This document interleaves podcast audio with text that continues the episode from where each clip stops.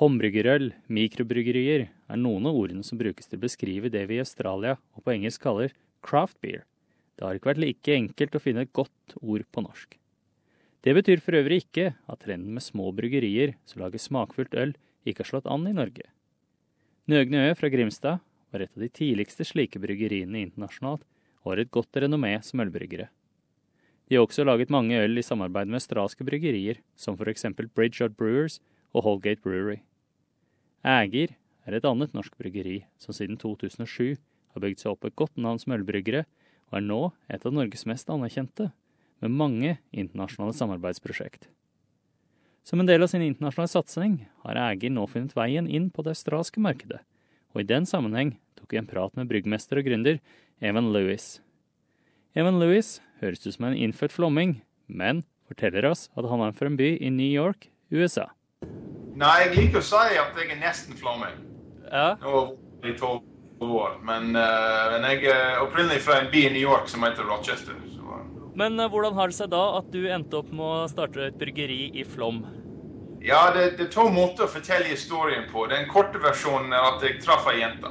Sannheten er litt annerledes. og det er nemlig at, eh, at kona mi hun vil absolutt ikke flytte fra California til Flåm. Så det, det er jeg som, eh, som var klar for en, en kjempeforandring i livet mitt og, eh, og vil det. Så vi fikk en mulighet til å overta, kjøpe opp en eh, kafé og restaurant her i Flåm.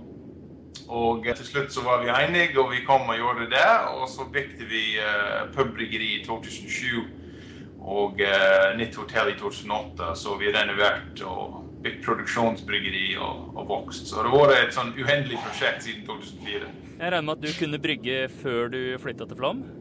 Det stemmer. Jeg eh, begynte som heimebrygger i 89. Jeg var, jeg var bare en, eh, en student på gymnas da jeg begynte med heimebrygging.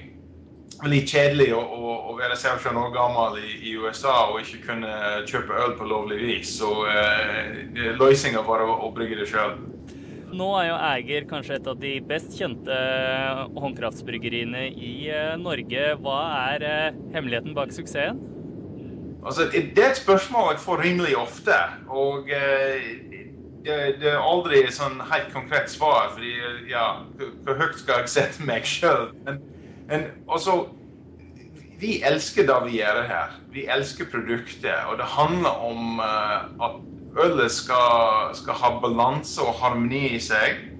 Alle sorter. Du kan, kan gjenkjenne uh, over hele rangen at, eh, at dette er egerøl. Og kvaliteten. At vi leverer samme kvalitet hver gang. Det er eh, ekstremt viktig for meg at vi, at vi gjør vår absolutt beste for å gjøre det. Så um, ja, det, det er egentlig det. Det er en, en, en skikkelig sånn lidenskap for produktet. Men Æger er jo som de fleste kanskje skjønner et eh, gammelt eh, norrønt navn. Eh, Hvorfor valgte dere det som navnet til bryggeriet, og, og hvem er Ægir? Ægir han var havets gud i mytologien. Og han var også bryggeren til Thor og Odin. Så uh, han, uh, han var, de sa, verdens beste brygger. Han lagde verdens beste øl. Og uh, det er en fantastisk historie bak det. At han sa til gudene om de klarer å skaffe meg eh, verdens største bryggekar, så kan jeg eh, holde en stor fest til dere eh, hver vinter i min hall under Kattegat.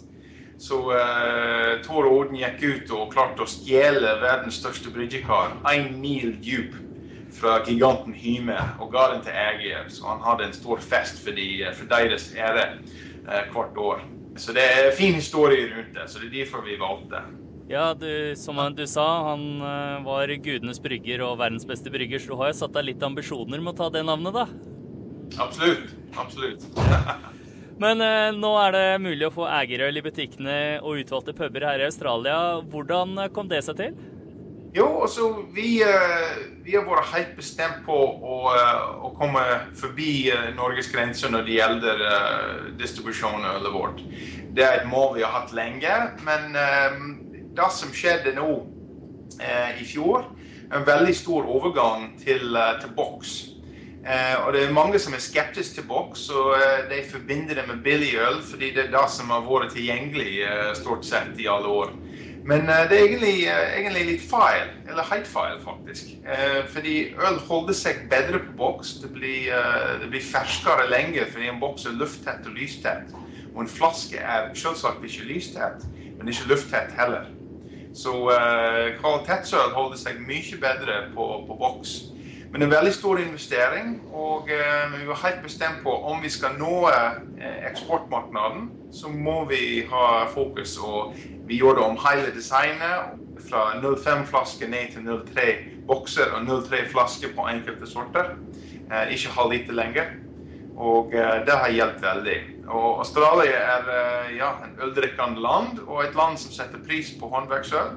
Så det er, eh, en grunn til at jeg står på liste med nå 11-12 forskjellige land utenom Norge som har ølvåg.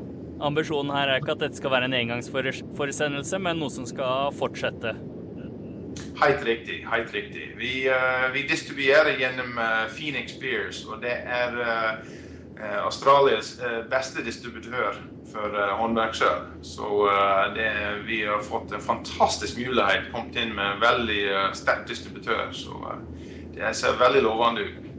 Bloodhound Bar i Brisbane har en såkalt tap takeover nå på onsdag og skal ha hele ti egerøl på lista på onsdag. Er det noe som er veldig spennende for dere?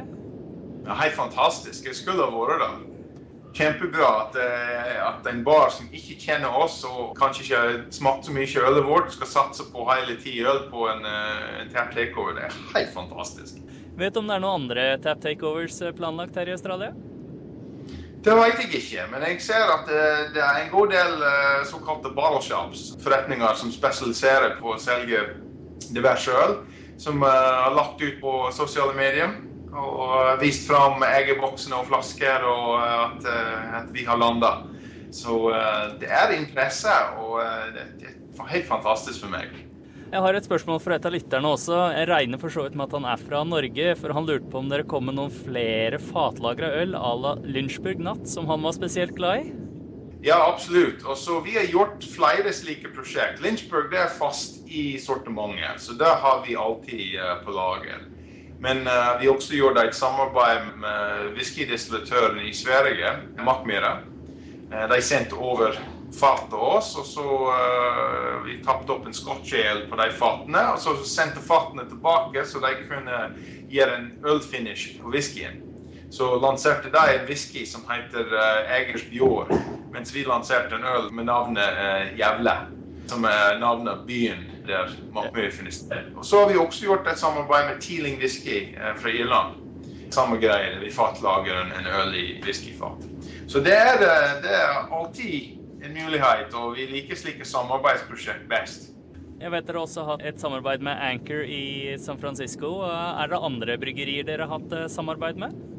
Ja, det har vi. Vi har hatt selvsagt med Nugnø en gang i tiden. Og uh, har vi hatt med Eh, med Boulevard Brewing fra Kansas City i USA. Også Garage Project fra New Zealand og Beavertown London. Og vi har et par nye planlagt eh, i år også, med bl.a. Brewdog og Garage Project igjen. Litt sånn eh, generelt om ølen deres. Hvor mange har dere, og hva er liksom, kall det signaturølet til Eger? Det er et veldig godt spørsmål. Også Antall øl i porteføljen varierer litt fra år til år. Um, I år så blir vi langt opp over 30 forskjellige øl. Uh, kommer til å lansere masse nytt i år. Men hva som er sånn flaggskipet også Tidligere så har vært Indie Pale Ale. Og det er for så vidt fremdeles flaggskipet. Men vi ser at andre sorter med litt lavere alkohol men likevel masse smak, de har tatt virkelig av. Så f.eks. Dag Citrus Pale Ale, en, eh, en lett humlete og, sitrusaktig pale ale på 4% Den har tatt virkelig av, selv i, i Storbritannia. Og så eh, har vi en eh, Session IPA, som det heter. Lavere alkohol India Pale Ale på 4,7% Og den heter Little Bro, eller Vetlebror.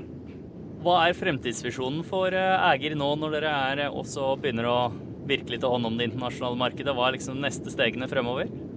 Det er nå 200 bryggeri i, eh, i, Norge. Jeg tror det er over 500 småskaler i, i Australia.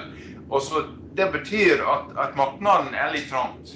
Det er kamp om hylleplass. Og klart vi må se litt bredere vi skal fortsette å vokse.